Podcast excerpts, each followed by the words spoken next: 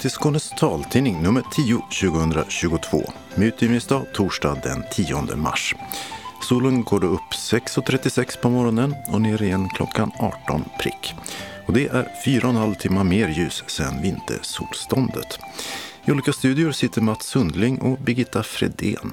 Fjärrtekniker är Martin Holmström och det här, det är innehållet. Regeringen vill förtydliga rätten till färdtjänst och öppnar för att ändra lagen. Helt oacceptabelt som människor nekats färdtjänst, säger socialdemokrat i riksdagens trafikutskott. Äntligen, säger SRF-ordföranden om beskedet. Rysslands invasion av Ukraina drabbar civila hårt och miljoner är på flykt. Men hur det går för dem som inte ser är det ingen som vet. Europeiska synskadeorganisationer vill hjälpa men har inte fått kontakt. Det är svårt att lokalisera var de synskadade finns någonstans. Ryssland och Belarus blev portade från Paralympics efter påtryckningar från bland andra Sveriges paralympiska kommitté. Idrott och politik hör ihop, säger ordföranden. Håll värmen under bordet och se till att ha omsättning i matförrådet. Råd från krisinformatör i osäkra världsläget. Antalet inlagda med covid fortsätter gå ner. Nästa vecka börjar vaccinkampanj. Klättra på väggar, låter det kul? Nu söker en skånsk klätterklubb synskadade som vill börja. Förutom att man tränar och klättrar på alla väggarna och kanske använder alla grepp så kan man klättra på de här. Och, och där kanske vi också ska märka upp dem med blindskrift så att man då kan ta sig fram själv. Öppnat och stängt med snabbmat och systembolag. Evenemangstips med vårdagjämning och Vasalopp. Och kalendern med syntolkning och helgonspex. Anslagstavlan med regionala och lokala meddelanden samt ändringar i kollektivtrafiken. Och allra sist redaktionsrutan. Men allra först färdtjänsten. Regeringen öppnade i förra veckan för att ändra i lagen så att rätten till färdtjänst blir tydligare. Och det är de uppmärksammade fallen där synskadade nekats färdtjänst som ligger bakom. Regeringen har nu gett myndigheten Trafikanalys i uppdrag att kartlägga problemet och om färdtjänstlagens ursprungliga syfte följs. Ett besked som välkomnas av Synskadades riksförbund och av Elin Gustafsson som sitter i riksdagens trafikutskott för Socialdemokraterna.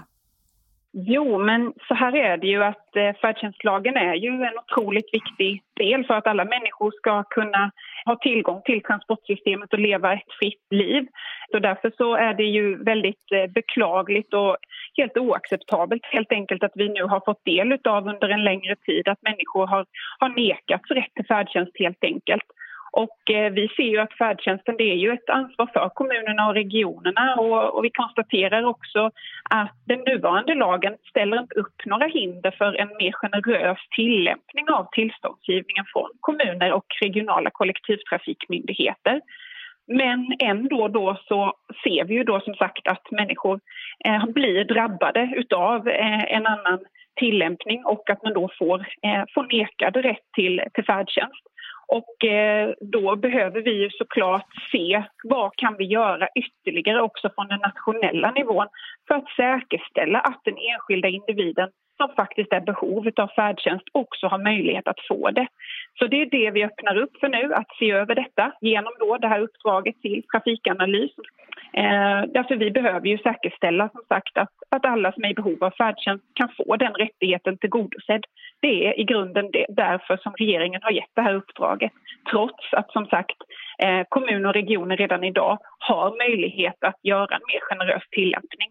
Men vi går vidare nu det här uppdraget har regeringen gett och det är otroligt viktigt och eh, när vi får tillbaka det så har vi också möjlighet att se eh, vilka ytterligare åtgärder man då kan, kan ta för att säkerställa att de som är i behov av färdtjänst just kan få den rättigheten tillgodosedd. Regeringen och Thomas Eneroth eh, hänvisar till att det uppmärksammade fall där synskadade nekats färdtjänst som ligger bakom och då specifikt Region Stockholm och Region Skåne. Är du insatt i bakgrunden där? Det har uppmärksammats en rad fall och som ju har framkommit, inte minst då från som sagt Stockholm och Skåne, visar ju på att människor som tidigare haft rätt till färdtjänst nu inte får det. Och, och det är såklart helt oacceptabelt utifrån att att grunden för färdtjänsten så att säga just är att alla människor ska få tillgång till transportsystemet och leva ett, ett fritt och tillgängligt eh, liv. Eh, och det är också tråkigt att vi då kan konstatera att de här regionerna inte har eh, kunnat gå vidare och då göra en mer generös tillämpning av då den befintliga lagstiftningen. Men vår utgångspunkt är ju som sagt att alla som har rätt till färdtjänst ska kunna få det och därför behöver vi nu då eh, gå vidare med det här uppdraget och se vad vi skulle kunna göra ytterligare för att säkerställa den enskildas rätt till färdtjänst. Så jag tycker det är väldigt positivt och bra att många organisationer har visat på konsekvenserna av vad de här nekandena har inneburit. Man har synliggjort konsekvenserna så att vi från politiken också kan eh, följa upp och se vad ytterligare vi kan göra. Mm. Ja, enligt lagen som den är skriven idag så är ju den som har väsentliga svårigheter att ta sig fram på egen hand, eh, åka kollektivt, får tillstånd till färdtjänst. Och då har det varit nästan en självklarhet att har man en grav synskada, saknar ledsyn, så, så får man det. Men inte längre. Vad är din syn på det? Eh, bör den som saknar ledsyn kunna räkna med att få färdtjänst? Vi ser ju som, som, som jag har sagt här att det är, eh, vår utgångspunkt är ju att den som har rätt till färdtjänst ska kunna, ska kunna få det. Och det är ju en, en, viktig grund för att alla människor ska kunna leva ett gott liv och de som inte på andra sätt kan ta sig fram till exempel i den ordinarie kollektivtrafiken ska kunna få det genom, eh, genom färdtjänsten. Så därför så så ser vi över här nu vad ytterligare skulle vi kunna, eh, kunna göra från, eh, från nationellt håll för att säkerställa att, eh, att, att den enskildes rättighet blir, blir tillgodosedd. 2023 ska myndighetens analys vara klar och om det då behövs så kan det bli fråga om en lagändring. Finns det en politisk majoritet i riksdagen då för det tror du? Eller i trafikutskottet om det skulle komma så långt? Vi får eh, återkomma till det när och om det, det blir dags för det. Men eh, jag kan konstatera att vi nu har en, en bra grund att utgå från. Att Eh, här levererar den socialdemokratiska regeringen ett tydligt uppdrag för att säkerställa att det som är grunden i den befintliga lagstiftningen också blir verklighet. De som är i behov av färdtjänst ska kunna få denna eh, rättighet tillgodosedd och eh, det är ett viktigt budskap från oss socialdemokrater och jag kan bara hoppas att fler partier ställer sig bakom detta därför det är en viktig del för att alla människor ska kunna leva ett, ett gott liv och kunna på, på lika sätt ta del av samhället. Niklas Mattsson som är förbundsordförande för Synskadades riksförbund. Vad säger du om beskedet? Är det välkommet? Ja, men såklart är det ett välkommet besked. Eh, det visar ju att vårt arbete med att påverka ger effekt. Och det känns ju väldigt roligt.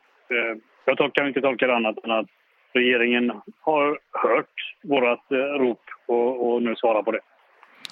Ja, vi har kunnat berätta om ett antal fall där synskadade blivit av med färdtjänsttillståndet eller inte fått det beviljat med hänvisning till att de kan ta sig fram på egen hand och eh, åka kollektivt som andra. Eh, vad tror du det här beslutet innebär? Jag, jag hoppas ju på att det kommer att leda till att eh, man kommer att göra den justeringen i lagen som, som vi har krävt. Där, man, där vi då vill att det ska bli tydligt att, och, och klart att synskadade ska ha rätt till färdtjänst vi hoppas att den här utredningen nu kommer att leda till en sån justering av lagen. Vad är det för fel med dagens lag, som ni ser det? Det är ju inte hållbart i Sverige att vi ska gå tillbaks flera, flera decennier i välfärden och neka synskadade till ett fritt liv, till att kunna röra sig som man vill. Det går inte att bara vara hänvisad till kollektivtrafiken när du inte ser. För det funkar inte alltid. Färdtjänsten ska vara en ersättning för oss att kunna röra oss fritt. Och jag hoppas att man nu kommer att komma dit här att eh, erkänna att ja, men så ska det vara.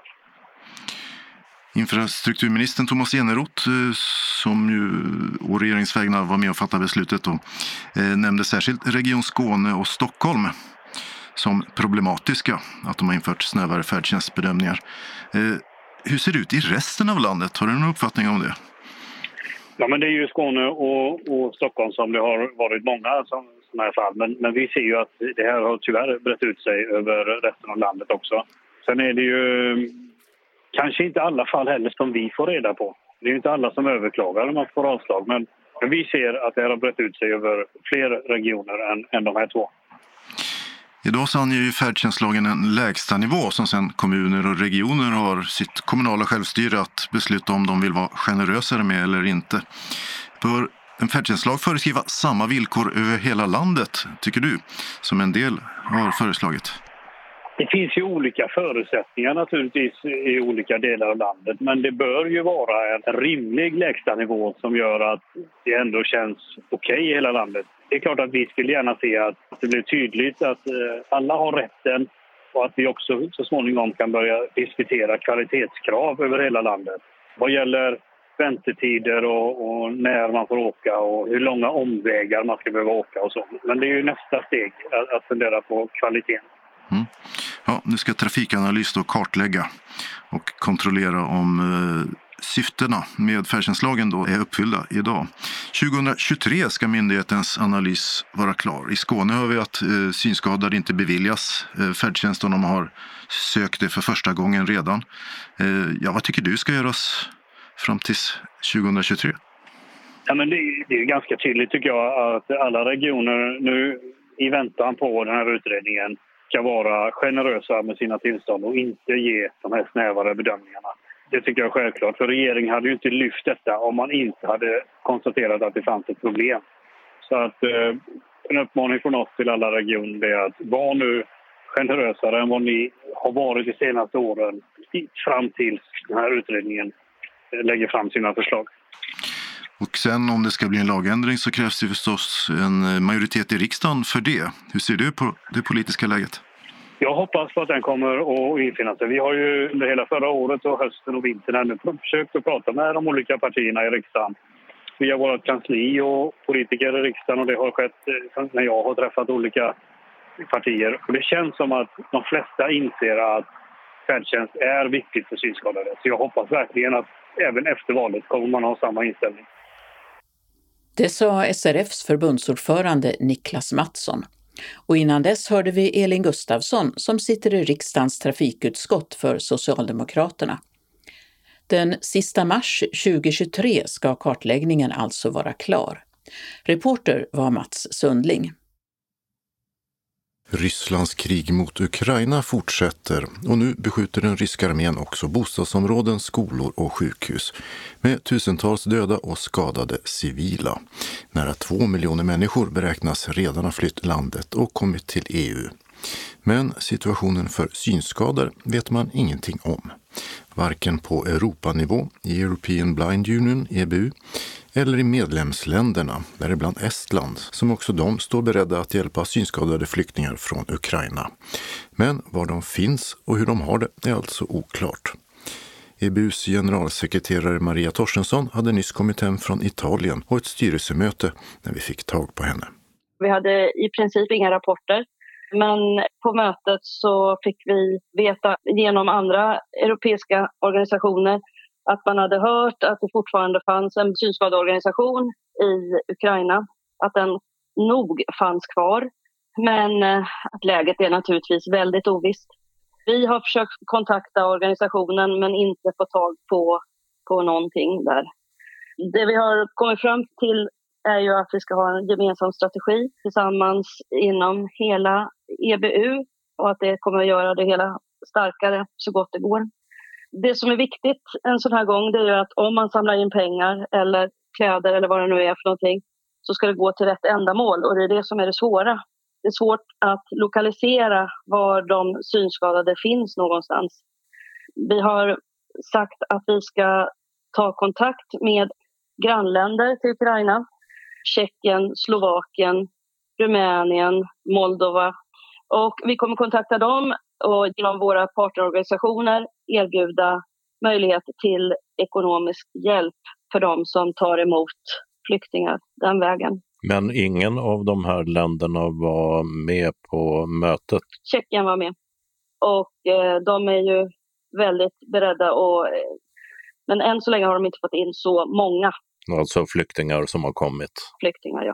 Sen är det att hitta de synskadade flyktingarna om vi ska hjälpa dem. Det är ju det svåra. Men har då EBU, trots svårigheterna med att få kontakt med den ukrainska synskadeorganisationen, ändå funderat på hur det skulle kunna vara möjligt att nå in i Ukraina för att hjälpa synskadade på flykt? Och att hitta synskadade, det vet vi ju hur det är här i Sverige bara, så är det ju även i fredstid är det inte lätt att hitta. Så att det är ju någonting som kommer komma längre fram, hur vi ska kunna nå fram till just de rätta. Och när det gäller ifall det kommer hit synskadade flyktingar, mm. finns det någon form av beredskap från SRFs sida där? Det är ingenting som har bestämts ännu, men eh, det kommer att göras insamlingar och, eller har redan börjat göra insamlingar. Vi kommer att erbjuda hjälp, men på vilket sätt, det är inte klart ännu. Maria Torstensson nämner också att hon talat med den tidigare intressepolitiska handläggaren vid SRFs rikskansli Neven Milivojevic som arbetat med funktionshinderfrågor i Ukraina och som avrått från att agera förhastat. Ni måste ha tålamod och ni måste vänta. Ni får inte ha för bråttom för då kommer inte hjälpen att nå de rätta. Om du sammanfattar helgens möte och din egen uppfattning? Känner du dig säkrare på att eh, ni verkligen har nått vidare? Ja, eh, i och med att vi har kunnat ha den här diskussionen. Därför det ju, kan ju vara en politisk diskussion som man kanske inte tycker att EBU ska engagera sig i. Men i och med att det har blivit så här katastrofalt så tycker man att vi måste hjälpa Ukraina naturligtvis. Och en positiv sak som vi bestämde också det var att vi ska ta fram en lista. Kansliet i Paris tar fram en lista på vilka sätt man kan hjälpa till som organisation ute i Europa. Dels ekonomiskt men också på andra sätt och dela med sig av kontakter och eh, organisationer som vi vet hjälper till på rätt sätt i området. Alla, alla organisationer i hela EBU är väldigt engagerade och många har hört av sig till vårt kontor och vill veta hur de ska göra för att hjälpa till på rätt sätt. Men jag tror att de allra flesta förstår att det här är en sak som vi gör bäst i att göra gemensamt. Det sa Maria Torstensson, generalsekreterare i European Blind Union, EBU. Också i vårt grannland Estland har synskaderörelsen försökt komma i kontakt med ukrainska synskadade, men även de utan att lyckas.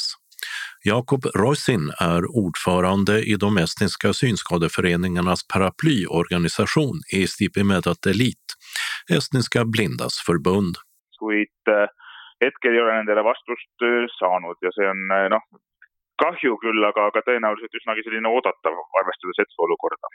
Vi har inte fått svar på våra e-mail och det är synd, men också vad man kan vänta sig i nuläget. Situationen är svår för alla, särskilt för dem med en funktionsnedsättning. Och man kan tänka och säga mycket om det här men inte egentligen föreställa sig hur läget är i Ukraina, säger Rosin. rääkida võib palju, mõelda võib palju, aga, aga ega me ega me ette tegelikult ei oska kujutada, mis see kohapealne olukord võiks olla. Vi har försökt sträcka ut en hjälpande hand och erbjudit det ukrainska synskadeförbundet ekonomiskt stöd. Och om det skulle komma synskadade krigsflyktingar från Ukraina till Estland så hjälper vi gärna till med att göra livet lättare för dem här erbjuder hjälpmedel eller försöker att tillsammans med kommunerna hjälpa till för att så mycket som möjligt underlätta deras vistelse i Estland, säger Roisin. Att få kontakt med hjälpbehövande är det största och besvärligaste problemet. ütleme, see ühenduse saamine võib-olla ongi kõige sellisem keerulisem, murettekitavam, et, et meil on selline soov, tahe ja, ja, ja väikesed võimalused ilusasti olemas, aga vi vill hjälpa till och vi har vissa möjligheter att göra det. Dörren står öppen och vi försöker nå dem på alla möjliga kanaler, understryker Jakob Roisin på telefon från Estlands huvudstad Tallinn. De tre baltiska staternas situation både liknar och liknar inte Ukrainas. Som EU och NATO-medlemmar är de kanske mer skyddade från en rysk invasion. Jakob Roisin är inte särskilt orolig men är nyktert medveten om risken och beskriver synskadades situation som komplicerad vid ett eventuellt ryskt angrepp. et luua see eh, olukord, kus eh, kui peaks niimoodi juhtuma, siis eh, võimalikult paljud inimesed oleksid nii-öelda kaetud just kas siis oma lähedastega, õnneks paljudel on lähedased. Evakueringsplaner är under utveckling, säger Rosin och tillägger att Estlands blindförbund, alltså paraplyorganisationen, varit i kontakt med staten redan tidigare för att föra fram synskadades behov vid evakuering. Men i nuläget handlar det om att försäkra sig om att synskadade antingen har någon närstående eller en kontaktperson som kan hjälpa till vid evakuering eller om man måste fly till ett annat land. Och avslutningsvis så säger eh, Jakob Roisin i Tallinn någonting som påminner om Maria Torstenssons ord nyss. kui äh, suudame koostööd teha, me suudame üksteisega suhelda üle piiride või piiride sees, siis jõuame me loodetavasti ka turvaliste ja heade lahendusteni. Nämligen att samarbete är bland det viktigaste just nu och att samarbetet, det ska man vara rädd om, för då kan man hitta lösningar både inom ett lands gränser och över gränserna. Vi hörde EBUs generalsekreterare Maria Torstensson och ordföranden för de estniska synskadeföreningarnas paraplyorganisation, Jakob Rossin. Reporter var Dodo Parekas. Invasionen av Ukraina har fått stora delar av världen att fördöma Ryssland och dess partner Belarus. Och stater, företag och institutioner bryter nu samarbetet på alla plan. Så också inom den globala idrottsrörelsen och i förra veckan också parasporten, där Ryssland och Belarus portades från Paralympics i Peking. Strax innan fredagens invigning av spelen ändrade sig den internationella paralympiska kommittén, IPC, efter hård kritik, däribland från Sveriges paralympiska kommitté. Ordföranden Åsa Linares Norlin välkomnade bojkottbeskedet. Ja, det var det. Det är ju aldrig ett lätt besked. Det är ju folk som kommer i kläm på båda sidor i en sån här konflikt eller i en sån här invasion, ska vi säga. Men det kom liksom till vägs ände i det här. Det var så många idrottsorganisationer och så som hade stått upp för Ukraina att det kändes omöjligt att IPC skulle ta ett annat beslut. Och efter det första beslut de tog som handlade om att Ryssland och Vitryssland skulle få delta utifrån juridiska aspekter och ett antal andra aspekter så blev det en sån storm från många andra länder på plats och hemifrån också där man sa att vi tar hem vår trupp. Det är inte okej okay att göra på det här viset. Och då ändrade sig IPC precis i sista sekund och eh, tog ett annat besked. Du ville gärna se det så också och den svenska paralympiska kommittén förstod jag. Ni låg också på ja. för att Ryssland och Belarus skulle portas. Ja, det drev vi på. Eller vi gjorde tillsammans med de nordiska länderna så var vi i den första skrivelsen som vi gick ut med så var vi lite mer att verkligen uppmana IPC att starkt överväga. Det var ju inte vårt beslut, men, men att men verkligen starkt överväga var det här ett beslut. Eh, och när de då vidhöll att det var bra att de var med, då gick vi ut mycket skarpare och sa att det är inte okej. Okay. Vi kan inte, det äventyrar säkerhet och förstås stämningen i byn. Det, må, det måste ju vara helt horribelt att vara i byn när man vet att det pågår en invasion av ens land och det är folk som har åsikter åt alla håll och kanter och det börjar spekuleras. Liksom, ska vi, ska vi bojkotta och spela mot Ryssland? Ska vi, om vi gör det, vad gör de andra nationerna? Så att det känns som att det var ingen ro i byn för idrottande. Så, um, så vi tyckte att det var bra. Men, men som sagt, det är, det är klart det här det har inte med de här idrottarna att göra. De är ju oskyldiga i det här fallet. Men på något sätt måste det bli en tydlig markering gentemot eh, Ryssland och statsledningen att det här, det här är inte okej okay att göra på det här sättet längre. Och samma slutsats har väl, eh, vad jag förstår, typ hela sportvärlden dragit. Fotbollen, ishockeyn, skidåkningen, konståkningen, bandy, eh, Formel 1. Eh, mm. Alla bojkottar och drar sig ur Ryssland, inga fler tävlingar där och man välkomnar inte heller ryska eller belarusiska idrottare till tävlingar i resten Nej. av världen. Nej. Det är ju jättesvårt att, att veta vad konsekvenserna av, en, av ett sånt här agerande blir men idrott eh, är ju väldigt stort för Putin och någonting som han gillar att synas i, i idrottsliga sammanhang på olika sätt. Och, eh, idrottsrörelsen är ju stor, bara i Sverige är det ju tre miljoner medlemmar. Så det är en stor rörelse och tillsammans då att, att manifestera det här hoppas nog jag och flera med mig att det ska ha effekter på, på honom att förstå att det är liksom efter två års pandemi har nog alla suttit hemma och tänkt vad är, vad är viktigt i livet? Och jag tror inte att krig tillhör det på något sätt. Jag tror man bara känner nej men låt oss leva i fred, låt oss göra det, vi, liksom uppfylla våra drömmar och vad vi nu vill. Men krig finns absolut inte på den agendan. Ryssland är ju en stormakt inom idrotten och parasporten och satsar ju hårt även på parasportare där. Eh, mm. vad får det för betydelse framöver för den internationella parasporten tror du? Hur länge kommer den här bojkotten hålla i sig till exempel? Ja, det, det, är ju jättesvårt att säga om. Men eh, förhoppningsvis håller den i sig så länge invasionen pågår. Annars har det ju inte någon effekt. Men vad som blir konsekvensen av det här, det, det, vi får se helt enkelt. Det är klart att vi kalkylerar med och att det finns med i våra tankar. Men, men vad det blir, det är, det är svårt att veta i nuläget. Förr i tiden sa man att idrott och politik inte hör ihop. Så la man eh, stora tävlingar i diktaturer, säg. Eh, mm. Det där verkar ha ändrat på sig. Att nu har idrottsrörelsen verkligen eh, blivit engagerad politiskt. Delar du den bilden? Ja, men det gör jag. Jag tror att det var en tid, som du säger, när det inte hörde ihop och man kunde liksom på något vis eh, gå sida vid sida. Men nu, nu gör det inte det längre. Nu hör idrott och politik ihop. Det är, så, det är så många olika aspekter som det behövs. Jag håller verkligen med om det. Att arrangera stora mästerskap i diktaturer är problematiskt.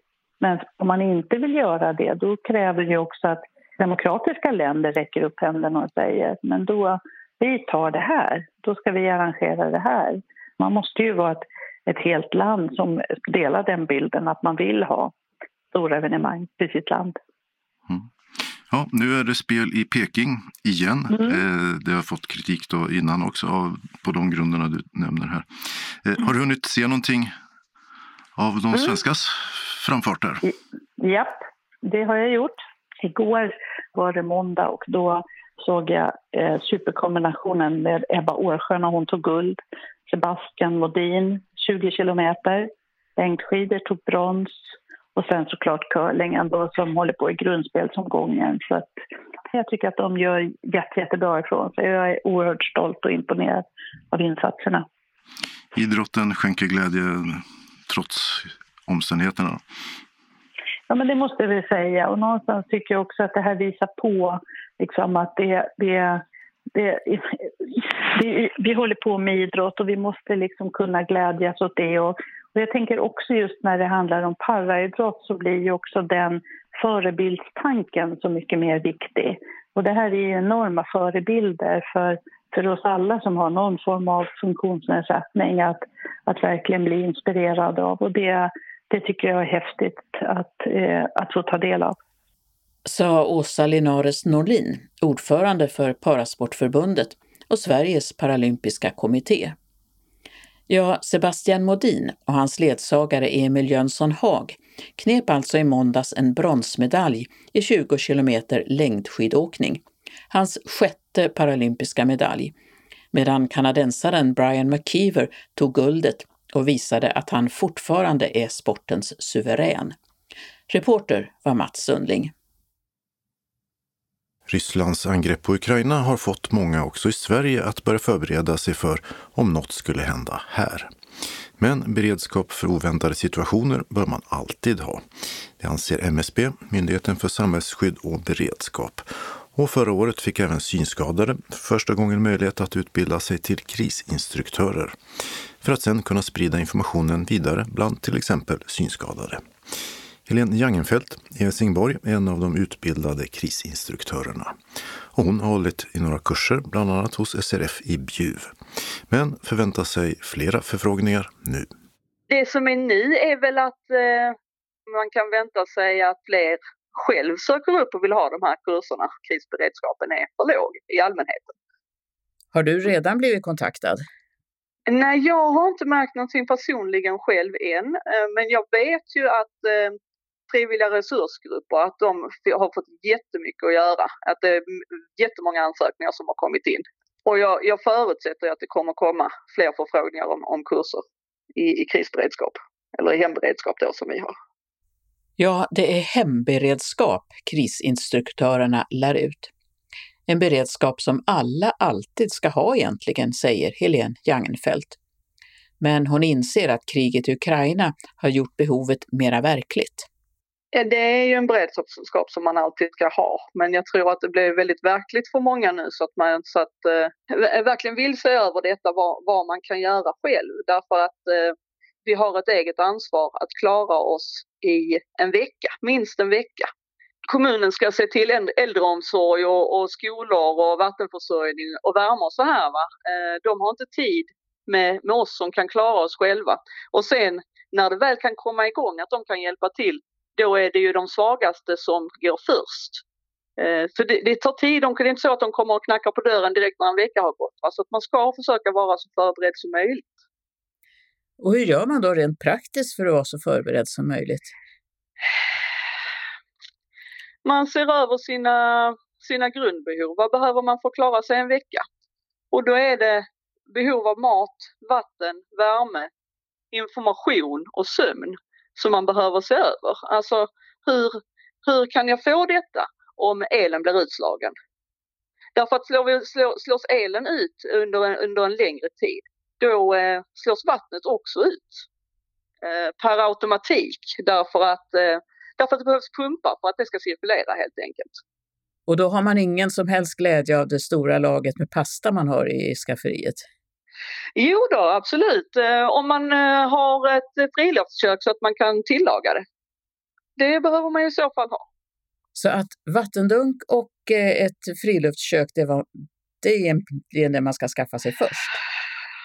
Ja, eh, ja det behöver man ha. Eh, ett vattenlager helst ju. Det är ju alltid problematiskt när man bor i, i lägenhet var man ska förvara saker. Men man får vara lite kreativ och försöka lägga upp ett, eh, ett vattenförråd och ett matförråd.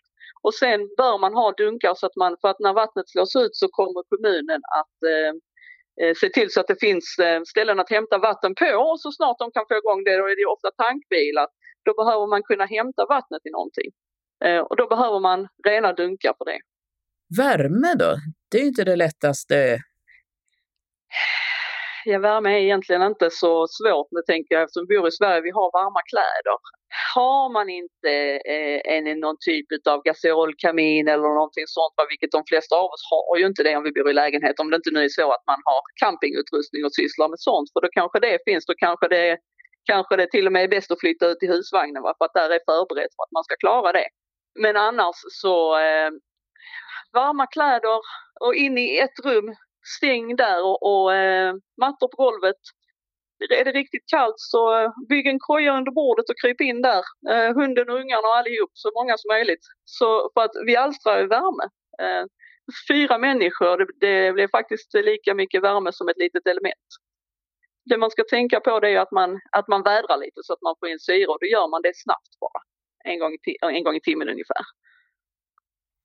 Ska man gå ut och handla på sig ett ännu större förråd med konserver än för en vecka nu, eller hur, hur ser du på det? Alltså, jag tänker att man ska vara så förberedd man kan och det är minst en vecka som gäller. Har man möjlighet att laga lite till så är det väl bra. Det, man, det, det som är bra att tänka på är att man handlar hem sånt som man har omsättning på så att säga. Så att man inte bara står och, med, med ett förråd konserver som blir gamla så småningom. Utan att man, man köper hem sånt som man faktiskt äter. Så att man byter ut efterhand. Men det är också en svår avvägning. När vågar jag börja äta av de här konserverna då? Ja, men det kan du göra kontinuerligt bara du, bara du ersätter. Så länge du vet att du kan ersätta. Hur eh, preppade du själv? Jag följer detta själv faktiskt. Jag, jag lever lite som jag lär. Så vi klarar oss. Vi klarar oss här en vecka. Jag har vattenförråd och jag har matförråd. Hur stort ska vattenförrådet vara? Det ska inte bara vara att dricka utan man ska väl helst kunna tvätta sig och kanske spola på toa och... Absolut så ska man ha dricksvatten i första hand. Alltså man dricker ju två liter, man bör få i sig två liter vatten om dagen. Kanske till och med tre va, därför att normalt sett så äter vi en massa grönsaker eh, och så, då får vi i oss vätska genom det och det kanske vi inte gör eh, om vi, när vi lever på konserver va. Och då behöver vi dricka ännu mer. Så att, så att tre liter vatten om dagen kanske man ska räkna med att man behöver dricka finns det möjlighet så, så 10 liter vatten om dagen. Men, men det kanske vi inte har möjlighet att, att ha förråd. Det har inte, så mycket vatten har inte jag själv. Jag har dricksbehov och, och lite tvätt liksom. Sen får man ju tvätta sig kan man ju göra med eh, annat vatten så att säga. Det behöver, inte, det behöver inte vara kokt vatten för att du ska tvätta dig. Men var får man annat vatten ifrån då? Som, du menar man kan samla regnvatten och så? Ja, det kan man ju göra. Har man en sjö i närheten kan man ju faktiskt tvätta sig i den. Va? Ehm, så att, eh, det beror lite på vad man har för förutsättningar runt omkring sig. Är det så att vi nu hetsar upp oss och skrämmer upp oss och blir allt för panikslagna eller? Jag tror att det är bra för alla att vara förberedda oavsett. Därför att även om det inte kommer ett krig hit så kan det komma andra kriser och vi ska vara förberedda för dem. Att ha tillgång till information är också en viktig del av beredskapen. För fyra år sedan skickade Myndigheten för samhällsskydd och beredskap ut broschyren Om krisen eller kriget kommer till alla svenska hushåll. Om man tappat bort den kan man beställa den gratis hos msb.se. Broschyren finns inläst i Legimus och kan också beställas som cd-skiva på telefon 010 240 5511 eller via e-post publikation msb.se.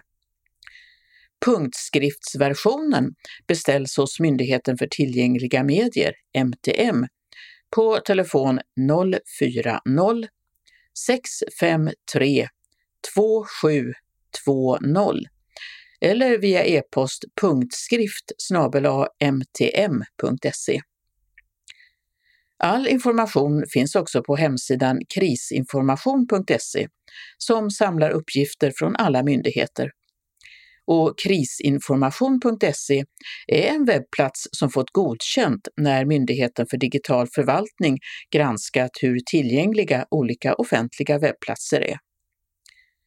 Det finns alltså information om man kommer in på internet, men, säger Helene Jangenfelt. Det gör man ju inte om elen går. Och då är det ju Radio P4 som gäller. Att det är där man får information. Och man har batterier i radion? Ja, det måste man ha. Alltså för att annars kan du inte, får du inte korrekt information så kan du inte heller ta korrekta beslut. Så att information är jätteviktigt att man har tillgång till. Det sa krisinstruktören Helene Jangenfelt i Helsingborg. Och reporter var Birgitta Fredén. Vi fortsätter med coronaläget nu en månad efter att nästan alla restriktioner försvann.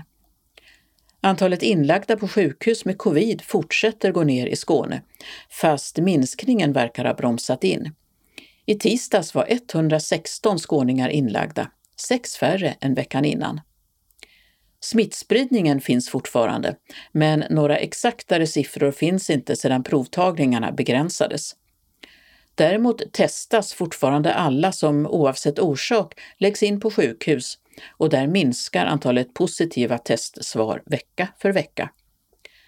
Och rekommendationen från Folkhälsomyndigheten är densamma, att vaccinera sig om man inte gjort det. En nationell vaccineringsvecka drar igång på måndag och det finns nu gott om tider för den som vill. Totalt har nu 56 procent av alla skåningar över 18 tagit minst tre doser. De som är över 80 får sedan några veckor också en fjärde. När du en dröm om att klättra upp för en brant vägg, endast säkrad i en lina. Malmö klätterklubb har fått drygt 400 000 kronor för att göra klättring tillgänglig för personer med synnedsättning och rullstolsburna. Idén kom när klubben efter att ha haft en delad lokal fick sin alldeles egna. Lars Bjurén är ordförande i Malmö klätterklubb. Vi fick en ny lokal med hjälp av Malmö stad där eh, möjligheterna att eh, ta emot fler medlemmar ökade. Och också att lokalen är mer lättillgänglig och rimligt anpassad även för personer med någon form av funktionshinder. Så då såg vi det som en möjlighet att utöka och bredda vår verksamhet och få fler medlemmar och erbjuda klättring till personer som kanske inte tänker på det som en träningsform i första hand. Och då är synskadade en möjlighet och det finns eh, synskadade som klättrar både som klättrar ute i berg och som kanske klättrar på klätterklubbar. Men eh, genom att ansöka om det här bidraget så kan vi göra en liten satsning och rikta lite grann av verksamheten mot just synskadade. Och det såg vi som en kul möjlighet för att liksom få fler medlemmar och göra klättringen mer tillgänglig. Hur tänker ni att det ska gå till? Vi tänker väl att vi ska arrangera eh, något prova på-tillfälle som vi riktar mot synskadade som en egen grupp. Eh, men sen efter det så eh, har vi väl tänkt att de synskadade tränar precis som alla andra som kommer till klätterklubben och tränar. Och då är det individuell träning så att man kommer, oftast eh, tränar man i par. Och, och med en synskada så kanske det är så att det är en seende som följer med och som hjälper till att säkra när den synskadade klättrar. Annars är man normalt två stycken som klättrar och eh, turas om och, och vara på väggen. Så förutom de här prova på-tillfällena för att visa hur det funkar och för att få fler att testa hur det känns att klättra så tänker vi att träningen det sköter man på egen hand. Precis som alla andra medlemmar. Om du sitter upp till höger fot ut på eh, bredvid det gröna greppet. Där ja, precis. Och så nu i den långsmala stora klätterhallen med 14 meter höga klätterväggar längs ena sidan och stora fönster från golv till tak ut mot parken på den andra är det när jag är där många barn som med viga rörelser letar fäste för händer och fötter på väggarna. Ljudligt påhejade av de som hjälper till. Det är bara att trycka och sträcka på dig allt vad du kan. Det är prova på-dag och för en del är det första gången de testar klättring. Säkrade med rep som gör att de inte trillar ner om greppen blir för svåra. På Malmö klätterklubb är det i första hand repklättring där vi har upp till 14 meter höga väggar. Och för att det inte ska vara farligt så har vi ju säk- alltså rep som man eh, hänger i så när man släpper taget från väggen så blir man hängande i repet. Och i andra änden på repet så står det en person och håller emot med en speciell broms i eh, selen som man har på sig. Och den personen heter säkringsman och står och säkrar den som klättrar på väggen. Och det är också så att man ska ha ett speciellt eh, intyg eller så för att man ska få säkra. Ja men precis, så eh, när man klättrar på klubben så ska man ha ett grönt kort för att säkra någon som eh, klättrar på topprep. Och då går man en speciell kurs för att få det här gröna kortet så att man lär sig hur man ska göra. Och sen gör man en, en kontroll i slutet som instruktören då godkänner om man gör på rätt sätt så får man sitt gröna kort. Och ehm, hur kommer ni att göra det mer tillgängligt för personer som inte ser eller bara ser lite grann? Ja, Egentligen kan man ju klättra direkt på de väggarna vi har även om man inte ser något alls. Men när man klättrar så är det mer utvecklande om man följer en speciell led som man har skruvat upp klättergreppen på väggen med en idé hur man ska ta sig upp. Och det är också så man får olika svårighetsgrader på lederna när man klättrar. Normalt så skiljer man de här eh, lederna med olika färger. Men om man inte ser allt så kan man ju inte veta vilket grepp som ingår eller inte. Så idén vi har är att vi ska köpa in grepp där ytan skiljer sig. Så när man tar på dem så ska man känna om greppet ingår i leden eller inte. Så vi ska ha en väggsektion där vi förutom att greppen är separerade med färg så ska de också vara separerade med olika ytor. Så kan man då, förutom att man tränar och klättrar på alla väggarna och kanske använder alla grepp så kan man klättra på de här och, och klättra på leder med speciella graderingar. Och, och där kanske vi också ska märka upp dem med blindskrift så att man då kan ta sig fram själv och känna av och läsa av vilken grad det är och liksom vad, vad leden har för karaktär. så skulle man kunna komplettera det på liksom mer än bara att vi har skyltar där det står med tusch på vad, vad leden har för gradering. Eh, kan man också tänka sig att eh, någon syntolkar en led, berättar att hur den ser ut första gångerna eller något sånt som, tills man har lärt sig just den leden? Ja, men det är ju fullt möjligt och så gör vi ju egentligen när vi klättrar och ser också. För det är inte alltid man förstår hur man ska göra. Så då kan det vara en hjälp att den personen som står nedanför och säkrar också ger tips på hur man ska ta sig upp och talar om att flytta höger hand, det finns ett grepp klockan tre från där du står så kan du sen flytta vänster fot upp lite grann. Så på precis samma metod så kan man ju använda till någon som inte ser alls. Så, säger jag säkring klar. Och så tryck med handflatan på den rosa väggen. Det är jättesvårt, det finns inga riktiga bra grejer. Ja, de är lite svåra här. Kan du, kan du hålla det gula på den sidan? Så. Ja, och så sätta upp högerfoten jättehögt upp. Jättehögt. Ja, precis så. Jättebra. Snyggt. Och vi har också ett tips för att man ska utveckla sig som klättrare. Så kan man klättra med förbundna ögon.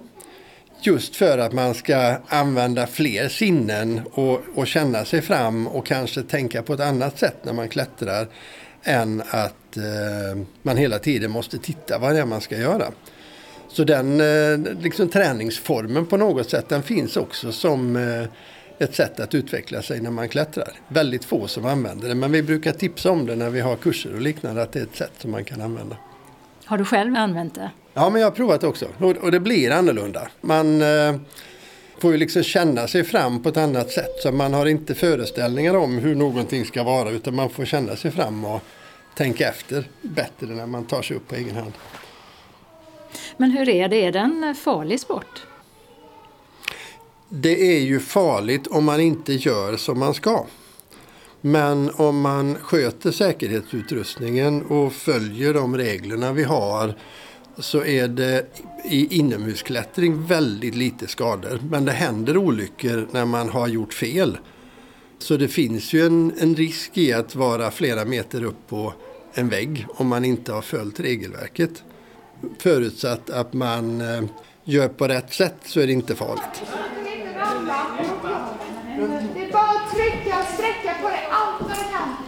Så ja, och så nu upp med foten. Det hejas och peppas för att greppen ska nås och hittas. Och ett hjälpmedel när den som säkrar hela tiden ska titta uppåt, det är glasögon som är väldigt speciella. Det är glasögon med prismer som man sätter eh, på sig för att man ska kunna titta upp på väggen utan att luta huvudet tillbaka. Eh, och det är en del klättrare som använder det. Om man har ont i nacken så är det ett väldigt, väldigt bra hjälpmedel. Så att man slipper stå och titta rakt upp i taket länge när man eh, säkrar. Då. Jag använder dem inte när jag klättrar utan jag använder dem när jag står på golvet och säkrar någon annan som klättrar. Och på väggarna, som ibland går svagt inåt eller rakt upp, och när det är riktigt svårt buktar utåt sitter grepp med jämna mellanrum i alla möjliga klara färger. Röda, lila, rosa och gröna och i olika former. Och lite känns det som om någon har placerat ut godisbitar på väggarna. Ja, men för en klättrare så är ju en klättervägg en jättestor godispåse. Så uh Absolut, man försöker sätta grepp med tydligt olika färger just för att det ska vara lätt att hålla isär vilken led man klättrar på. Så färgerna är ju en viktig komponent för att bygga klätterlederna så att det blir roligt. Och sen nu har vi ett väldigt mjukt golv här under oss och här är tjocka mattor också. De ramlar man på om man ramlar ner då. Eh, ja, tjockmattorna som ligger här under repväggarna det är bara för att vi inte har byggt färdigt den delen där vi klättrar utan rep. Och då heter det boulder eh, när man klättrar på låga väggar som kanske är upp till fyra meter höga. Då trillar man ner på tjocka mattor istället för att man klättrar med rep. Men idag har ni ingen här som klättrar som har en synnedsättning? Nej, utan detta är en satsning för att få in nya medlemmar i eh, verksamheten. Hur länge har du själv klättrat? Jag började för ungefär 17 år sedan tror jag. Och då började jag som eh, säkringsperson till mina barn när de ville börja klättra. Och så insåg jag att det var roligt också så att eh, både jag och barnen klättrar fortfarande sedan dess. Och vad är det som är roligt med att klättra?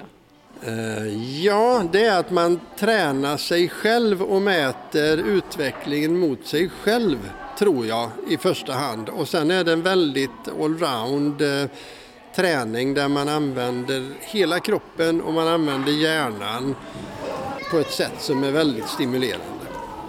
Jättebra jobbat! Kom igen, tryck! Kom igen, du klarar det! Vännerlag! Där! Och redan nu kan man höra av sig till Klätterklubben i Malmö om man vill testa klättring. För en gång i månaden är det prova på och då kan man testa. Men först till hösten planerar de att bygga den första leden med klättergrepp som har ett speciellt mönster eller yta.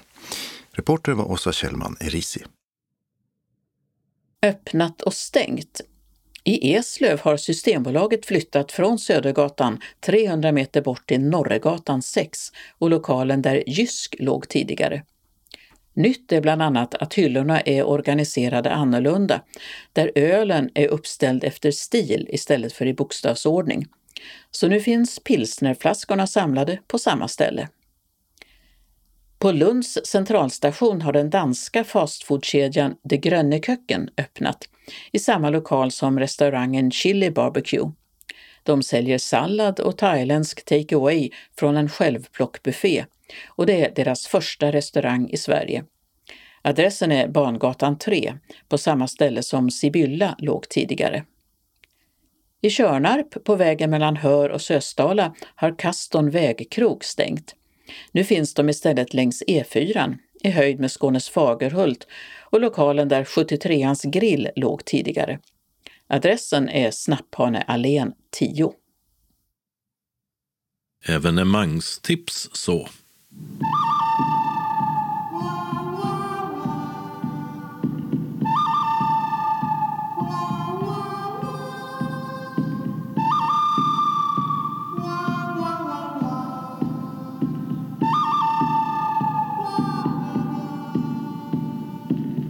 Och det vi började evenemangstipsen med var en snutt ur den ikoniska filmmusiken till Sergio Leones spagettivästernfilm Den gode, den onde, den fule från 1966 med Clint Eastwood i en av huvudrollerna.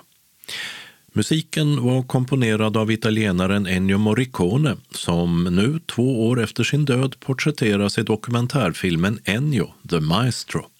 Filmen har syntolkning och uppläst text för biobruk. UR-serien Prylberget har redan haft premiär och sänds med syntolkning i SVT 24 torsdagar klockan 22 till 22.30 till och med 7 april. Alla avsnitt finns dessutom redan på UR Play på nätet.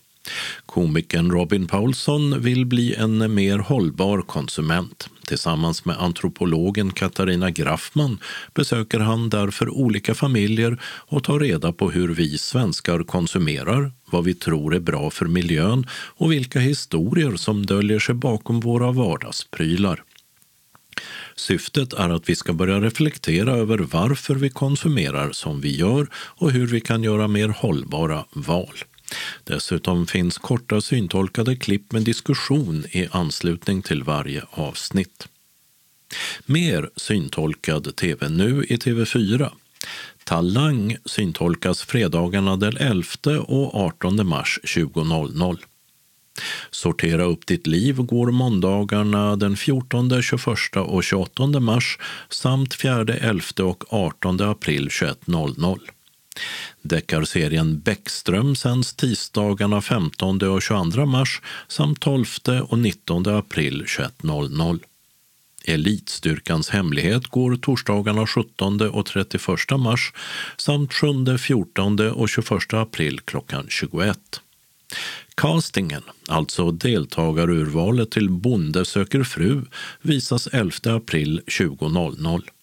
Sveriges värsta bilförare går torsdagarna 21 och 28 april klockan 20. Livet efter dig sänds måndag 18 april 20.00 och Karl Fredrik på Österlen torsdagen den 28 april 21.00. Syntolkningen finns på webben tv4.syntolken.se. Dessutom visas långfilmen Mother's Day från 2016 med bland annat Jennifer Aniston och Julia Roberts på TV4 Film 1 april 16.25 och 3 april 21.00.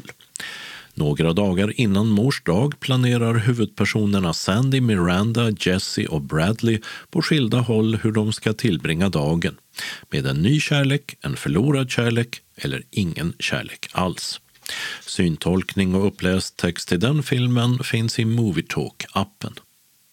Malmö Opera är på turné med föreställningen Dead or Alive, balladen om Kate Warren, en musikal i det mindre formatet om detektiven Kate Warren i Chicago som i mitten av 1800-talet slår sig fram i en manlig värld och den bygger på verkliga händelser. Huvudrollen görs av Sara Lehmann. Musiken är en blandning av jazz, country, bluegrass med mera. Kommande föreställningar 12 mars 17.00 Humlescenen i Bromölla. 13 mars samma klockslag Medborgarhuset i Staffanstorp. 15 mars 19.00 Teaterhallen, Tomelilla Folkets park. 19 mars 19.30 Kulturboxen, Pilängsskolan i Lomma. 24 april 16.00 Forum i Örkelljunga. Och den 26 april 18.30 så föreläser Lasse Waldau om föreställningen på Kulturhuset Borgen i Osby. 28 april 19.00 är det föreställning på Landskrona teater. 3 maj 19.00 på Kulturhuset Ravinen i Norrvikens trädgårdar i Båstad och den 6 maj 19.00 på Borgen i Osby. Priserna varierar beroende på olika rabatter men fullt pris ligger kring eh, 200 kronor och Tixter säljer biljetterna. Lars-Erik Larssons stillsamma antikrigsverk Förklädd Gud framförs av Helsingborgs symfoniorkester på stadens konserthus den 16 mars. Det är fri entré men en insamling till förmån till Ukraina. Vi har redan tidigare berättat att fredagen den 18 mars infaller Världspoesidagen och kan nu lägga till att den uppmärksammas på Simrishamns bibliotek några dagar senare, den 21 mars mellan 15 och 17 då det är öppet hus för alla som vill läsa upp egna dikter eller lyssna till andras. Det är fri entré och ingen föranmälan. Dagen därpå, alltså 22 mars 14.00 uppmärksammas den franska författaren Annie Ernaux på biblioteket. Föreläsare gör Margaret Wik, forskare i fransk litteratur vid Lunds universitet.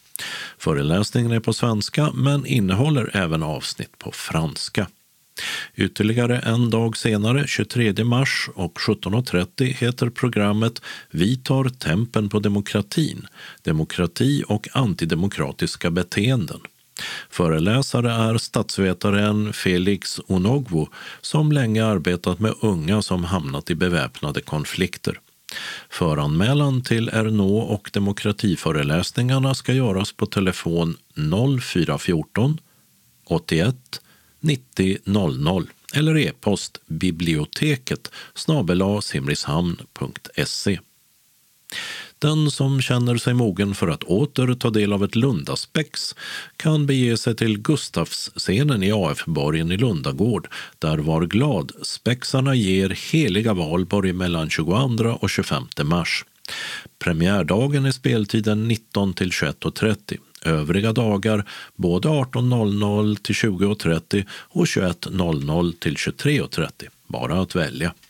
Spexet utspelas i Frankerriket år 726 och det är dags för den årliga tävlingen Kristendomens nästa topphelgon. Konkurrensen är stenhård men kung Pippin den lille har satsat på storfavoriten Valborg Helgonsson som trots sitt helgonlika släktträd vill smygröka på utedass och hänga med stans coolaste häxgäng. Biljetterna kostar 160 kronor ordinarie pris, 120 för studenter och 250 för den som vill sitta längst fram och serveras snacks i pausen. Nortic säljer biljetter och föreställningen är inte syntolkad. Konflikter kring den skånska kollektivtrafikens utformning under åren 1970 till 2020 som de eh, ter sig vid genomgång av arkivmaterial från olika organisationer är ett av flera kollektivtrafikteman under en föreläsning på Arkivcentrum Syd på Fyrvägen 20 på Gastelyckans industriområde i Lund 23 mars 15.00. Det är fri entré. Söndag 10 april 16-17 blir det en konsert i Sankt Nikolai kyrka i Trelleborg med musik av bland annat Dietrich Buxtehude som för övrigt troligen föddes i Helsingborg 1637. Det som framförs av hans verk är passionsoratoriet Membra Jesu Nostri. Det är fri entré. Åkesånger är ett musikaliskt program kring poeten Sonja Åkessons liv och dikter i Annika Felings tonsättningar och gestalt. Ackompanjemang Christer Jonasson. Föreställningen ges i Blå salongen, Hässleholms kulturhus 25 april 17.00 till 18.15. 17.00 serveras soppa och 17.30 börjar uppträdandet. Biljetterna kostar 150 kronor. Biljettinformation Nortic telefon 0455 61 97 00. Hässleholms kulturhus 0451 26 66 70. Tixter 0771 47 70 70. Kalendern för årets elfte vecka tar sin början måndagen den 14 mars då Matilda och Maud har namnsdag. Och för den som har för vana att skriva dagens datum i ordningsföljden 3 följt av 14 vilket mestadels görs av amerikaner, så är detta pi-dagen efter talet pi, vanligen avrundat till 3,14. Framför Malmö stadshus finns ett sluttande område som lutar ner mot en gång och cykeltunnel under Föreningsgatan. Området bär namnet August Palms plats för att minnas stadens socialdemokratiska historia och den är uppkallad efter den socialdemokratiska agitatorn som kallades Mäster Palm, skräddare till yrket som han var. Palm var även verksam inom journalistiken och anledningen till att han är med i kalendern är att han avled detta datum för hundra år sedan. Dödsorsakerna var flera, bland annat sviter efter dåtidens stora pandemi, spanska sjukan. Och det här är även en av många otursdagar i venastronomen Tycho Brahes kalender. Tisdag 15 mars är Kristoffers och Kristels namnsdag. Vår tids skräck, science fiction och fantasy eller fantastikgenrer inom litteraturen är inget nytt. Mary Shelleys roman Frankenstein utgavs till exempel redan 1818. Av något nyare datum är den produktive Howard Philip eller HP, H.P. Lovecrafts många böcker. Amerikanen Lovecraft korsade till exempel science fiction och skräck och den som vill ta del av hans böcker i talboksformat har mycket att välja mellan. Den 15 mars är det 85 år sedan han dog.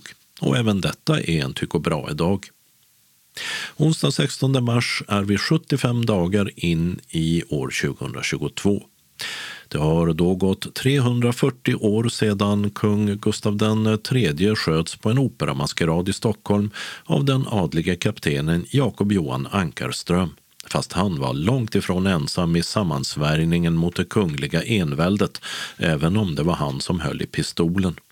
Sen tog det nästan två veckor innan kungen avled av sina skador. Ankarström dömdes till döden och avrättades medan övriga inblandade inte fick lika stränga straff. På dagen för 70 år sedan enades Sveriges, Norges, Danmarks och Islands utrikesministrar om att bilda Nordiska rådet.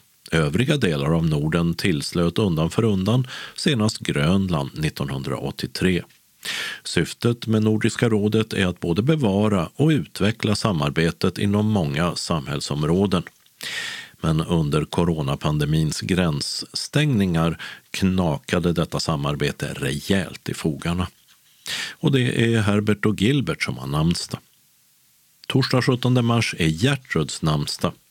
Irländarna klär sig då gärna i grönt, dricker mörkt öl av ett känt märke och viftar med flaggor. Ety det är St. Patrick's Day till åminnelse av Irlands skyddshelgon som levde på 400-talet. Här hemma infaller kollektivavtalets dag. Denna bit av det som brukar gå under namnet den svenska modellen är rikstäckande och sluts mellan arbetsgivare och fack för att reglera anställningsvillkor, löner med mera. Även andra nordiska länder har liknande system. Sissela Kyle, rappkäftad komiker, skådespelare med mera, fyller 65 år. Kyle har även läst in en del ljudböcker men inga talböcker. Fredagen den 18 mars är det Edvard och Edmund som firar namnsdag. Den svenske partikelfysikern och astronauten Christer Fuglesang fyller 65. Till rymdfararen Fuglesangs talanger hör också att han är författare, främst till barnböcker som också finns inlästa som talbok. Det gäller även hans rymdmemoar 13 dygn i rymden efter 14 år på jorden där titeln syftar på hur lång tid det tog innan han faktiskt kom ut i världsrymden. Lördag 19 mars har Josefina samt Josef namnsdag. Och 100 år har passerat sedan det första Vasaloppet om man undantar Gustav Vasas skidande 401 år tidigare. Årets Vasalopp, alltså det hundrade, eller det hundraförsta om man nu ska vara petnoga, har redan ägt rum med norsk seger både på dam och herrsidan. Robert Zimmermans, det vill säga Bob Dylans första skivalbum utkom detta datum 1962, alltså för 60 år sedan och innehöll bland annat hans tolkning av den amerikanska folklåten House of the Rising Sun. Det var på den tiden som den blivande nobelpristagaren i litteratur ofta betraktades som just folksångare. There is a house down in New Orleans. They call the rising sun And it's been the ruin of many poor girls And me, oh God, I'm a one Vilken musik som spelas när Sveriges förenade studentkårer har fest, det vet vi inte. Men denna dag firar SFS, som de förkortas, sitt 100-årsjubileum. Och dessutom så fyller journalisten och tv-mannen Robert Aschberg 70 år. Söndagen den 20 mars har vi nått fram till vårdagjämningen då dag och natt är ungefär, men inte nödvändigtvis precis, lika långa. Och det är Joakim samt Kim som kan fira namnsdag. Evenemangs och kalenderredaktör var Dodo Parikas. Anslagstavlan för hela Skåne. SRF Skånes valberedning har ett meddelande om val av styrelsekandidater. Och det ersätter meddelandet i nummer 6 eftersom det beslutats att det inte ska finnas något beredningsutskott. I april är det dags för årsmöte där det ska genomföras val till flera poster i distriktet. Och nu vill valberedningen ha hjälp att hitta lämpliga kandidater. Vi söker sådana till styrelsen, en ordförande på ett år och tre ledamöter på två år. Styrelsen genomför den verksamhet som föreningens medlemmar beslutat om. De har också ansvar för föreningens ekonomi och för den personal som är anställd i distriktet. Att sitta i styrelsen är ett både ansvarsfullt och hedrande uppdrag. Både som ordförande, då du ska leda styrelsens arbete, eller som ledamot, då du ska vara en del av gruppen som tar distriktets verksamhet framåt. I styrelsen får du möjlighet att utveckla distriktet och jobba med alla delar av verksamheten. För nuvarande ledamöter går mandatperioden ut efter årsmötet. Maria Torstensson, ordförande, Gisela Cesar och John-Olof Asp och så en plats vakant efter viceordföranden Per-Arne Andersson. Medan Anders Modell, Jonny Ekström och Maj-Britt Ryman är valda för ett år till.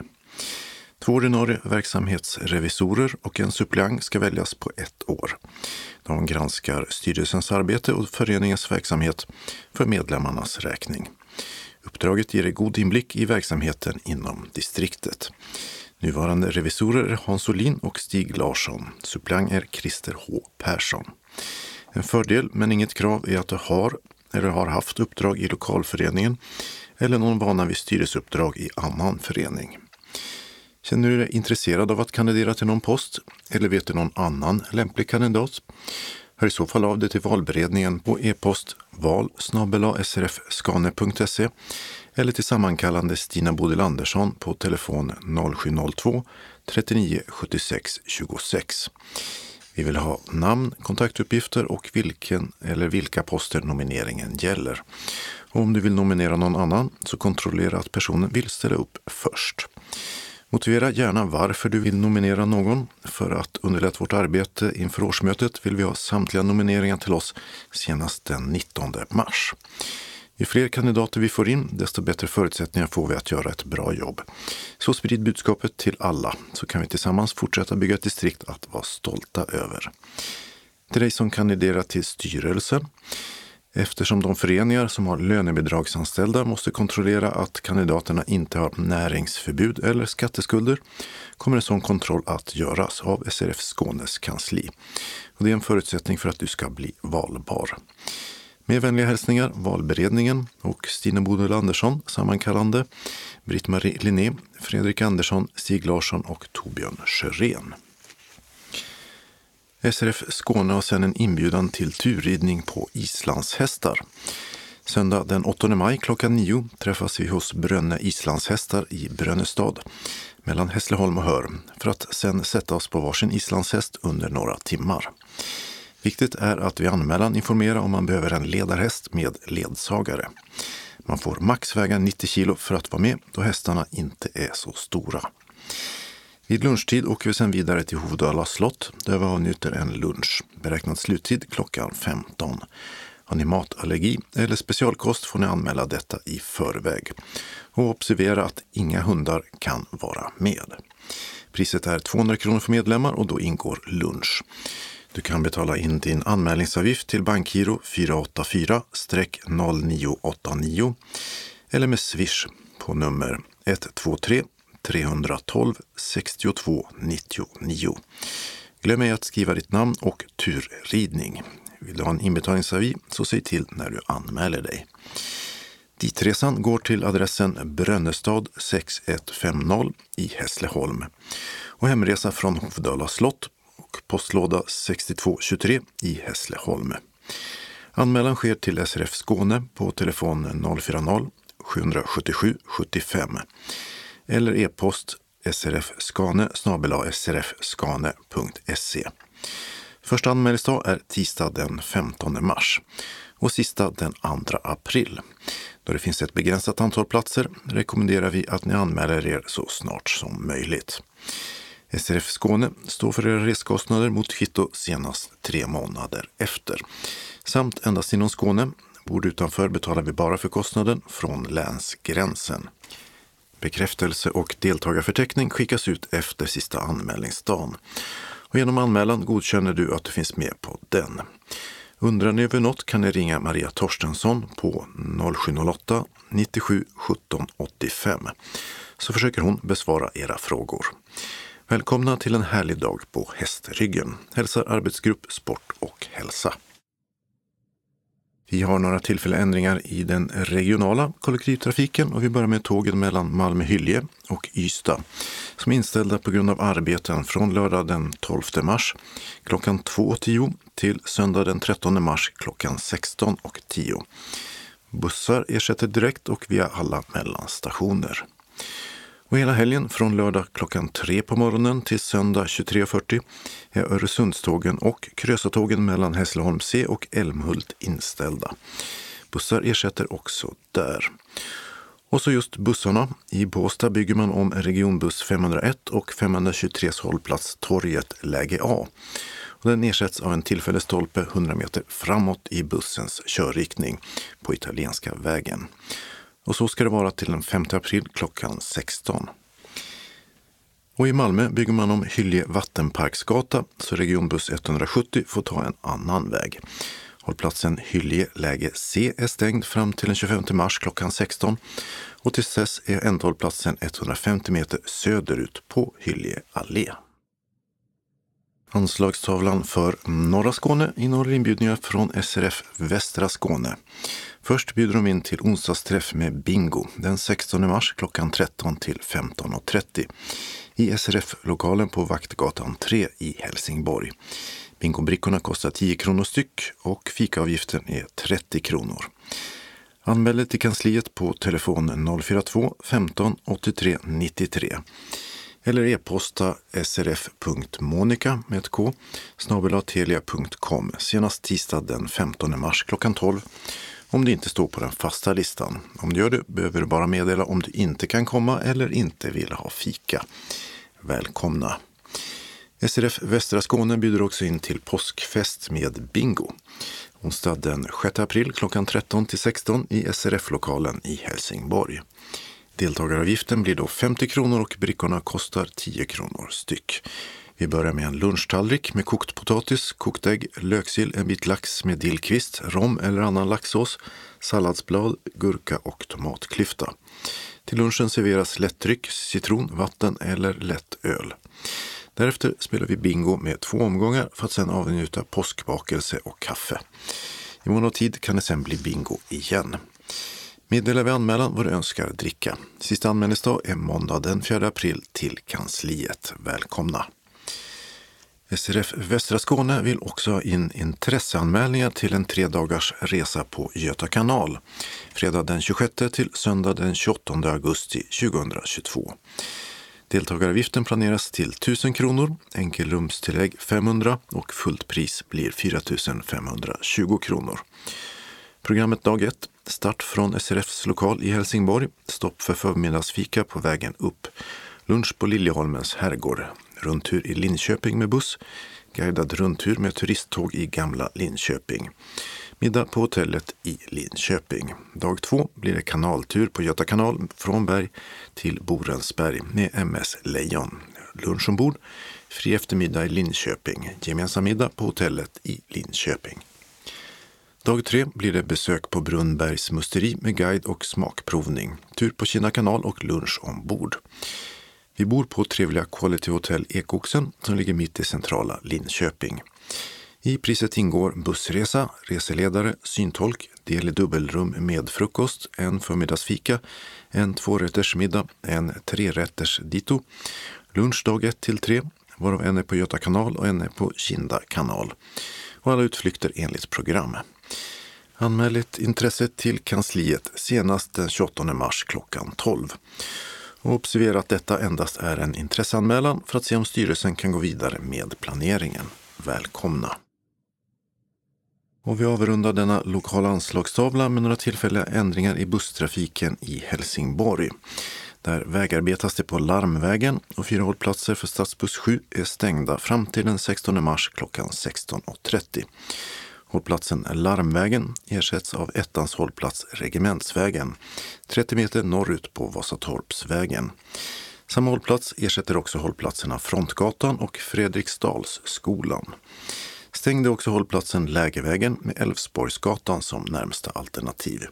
Cirka 400 meter i nordvästlig riktning på Ängelholmsvägen. I Helsingborg stängde i onsdags Karl Kroksgata av nära korsningen med Furutorpsgatan och stadsbusslinjerna 2, 3, 4, 7 och 8 hållplats Gustav Adolfs torg, läge B, är stängd. En tillfälle finns på den parallella Södergatan nummer 65, cirka 250 meter söderut. Den 30 mars klockan 16 ska det vara som vanligt där igen. Den lokala anslagstavlan för sydvästra Skåne innehåller några inbjudningar från SRF Malmö Svedala. Först i dagverksamheten. Måndag den 14 mars klockan 13 till 15 blir det tidningsläsning och eller frågesport. Och tisdag den 15 klockan 13 till 15.15 15 blir det bingo. Vi serverar kaffe och smörgås eller kaka för 10 kronor och vi vill att alla anmäler sig till kansliet om man tänker komma senast klockan 10 samma dag. Känner man sig sjuk så stannar man hemma. SRF Malmö Svedala säger också hej alla ni som tycker om frågesport. Oavsett om ni kan eller inte kan gå en vanlig tipspromenad så kan ni komma till ett söndagsquiz i form av tipsfrågor. Vi kommer att använda tryckbubblor och kryssrutor för att avge svaren. Sådana som vi använder på tipspromenaderna. Kom till föreningen på Vendelsfridsgatan 13 söndag den 20 mars klockan 13 för lite järngympa. Efter frågorna serverar jag kaffe och smörgås och det blir en prisutdelning förstås. För allt detta betalar medlemmar 40 kronor och ej medlemmar 60 kronor kontant på plats. Anmäl dig senast tisdag den 15 mars till kansliet 040 25 05 40 eller mejla till info srfmalmo.se. Glöm då inte att meddela specialkost. Välkommen önskar styrelsen. SRF Malmö Svedala välkomnar också till Tjejträff torsdag den 31 mars. Tina från Seniorshoppen är tillbaka för att visa och berätta om vårens och sommarens mode. Du kan handla kläderna kontant med kort eller med inbetalningskort och du kan prova dem i lugn och ro. Vi kommer att ha visning av kläder i två omgångar. Första gruppen kommer klockan 16 och sen kommer den andra gruppen klockan 18 då vi alla äter tillsammans innan den andra gruppen tittar på kläderna. Vi serverar pastasallad med ost och skinka, bröd ingår. Kostnaden är 80 kronor och drycker är till självkostnadspris.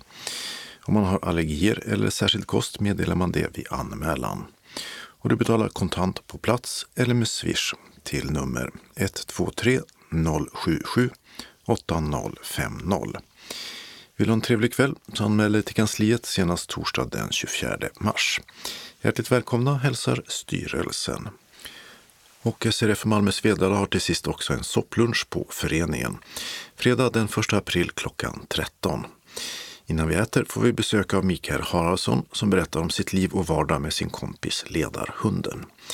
Vi bjuder på kycklingsoppa, nudlar och avslutar med kaffe och kaka.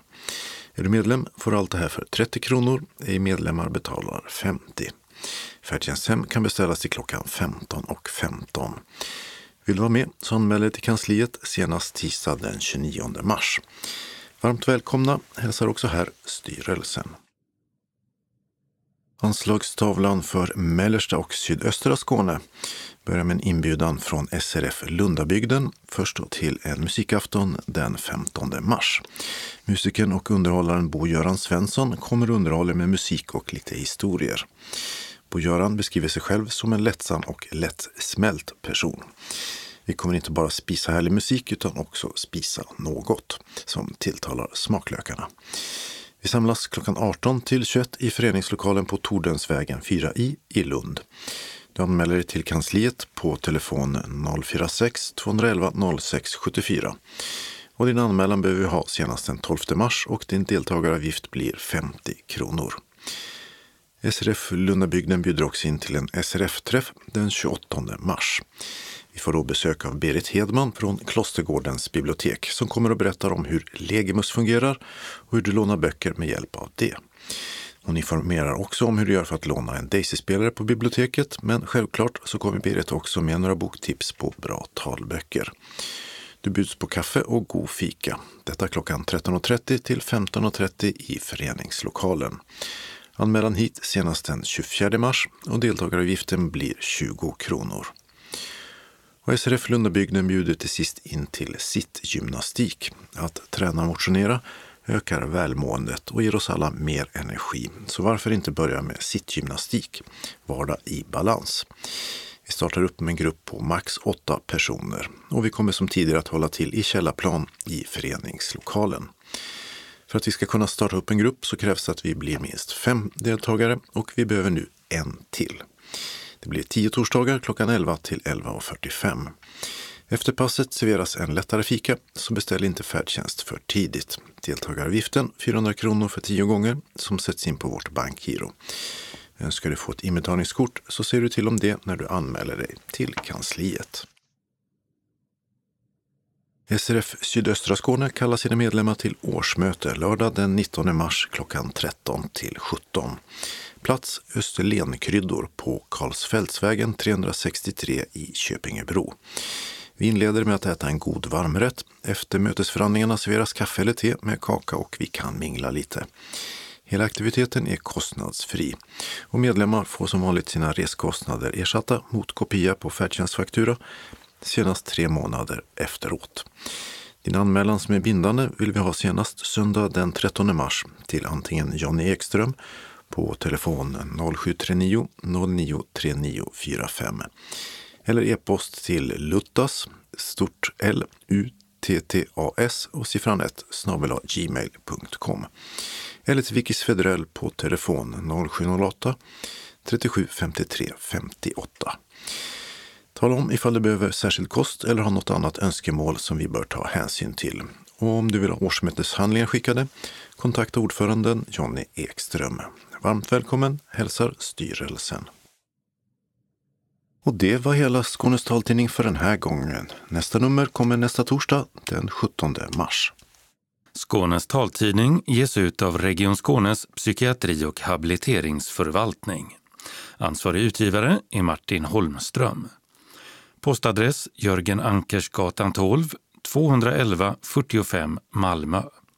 Telefon 040 673 09 70. E-post Skanes taltidning snabela skane.se och hemsida skanestaltidning.se. Observera att CD-skivorna inte ska skickas tillbaka till oss. Såväl skivor som kuvert kan läggas i brännbara sopor när ni inte längre vill ha dem. Vi hörs igen. Hej då!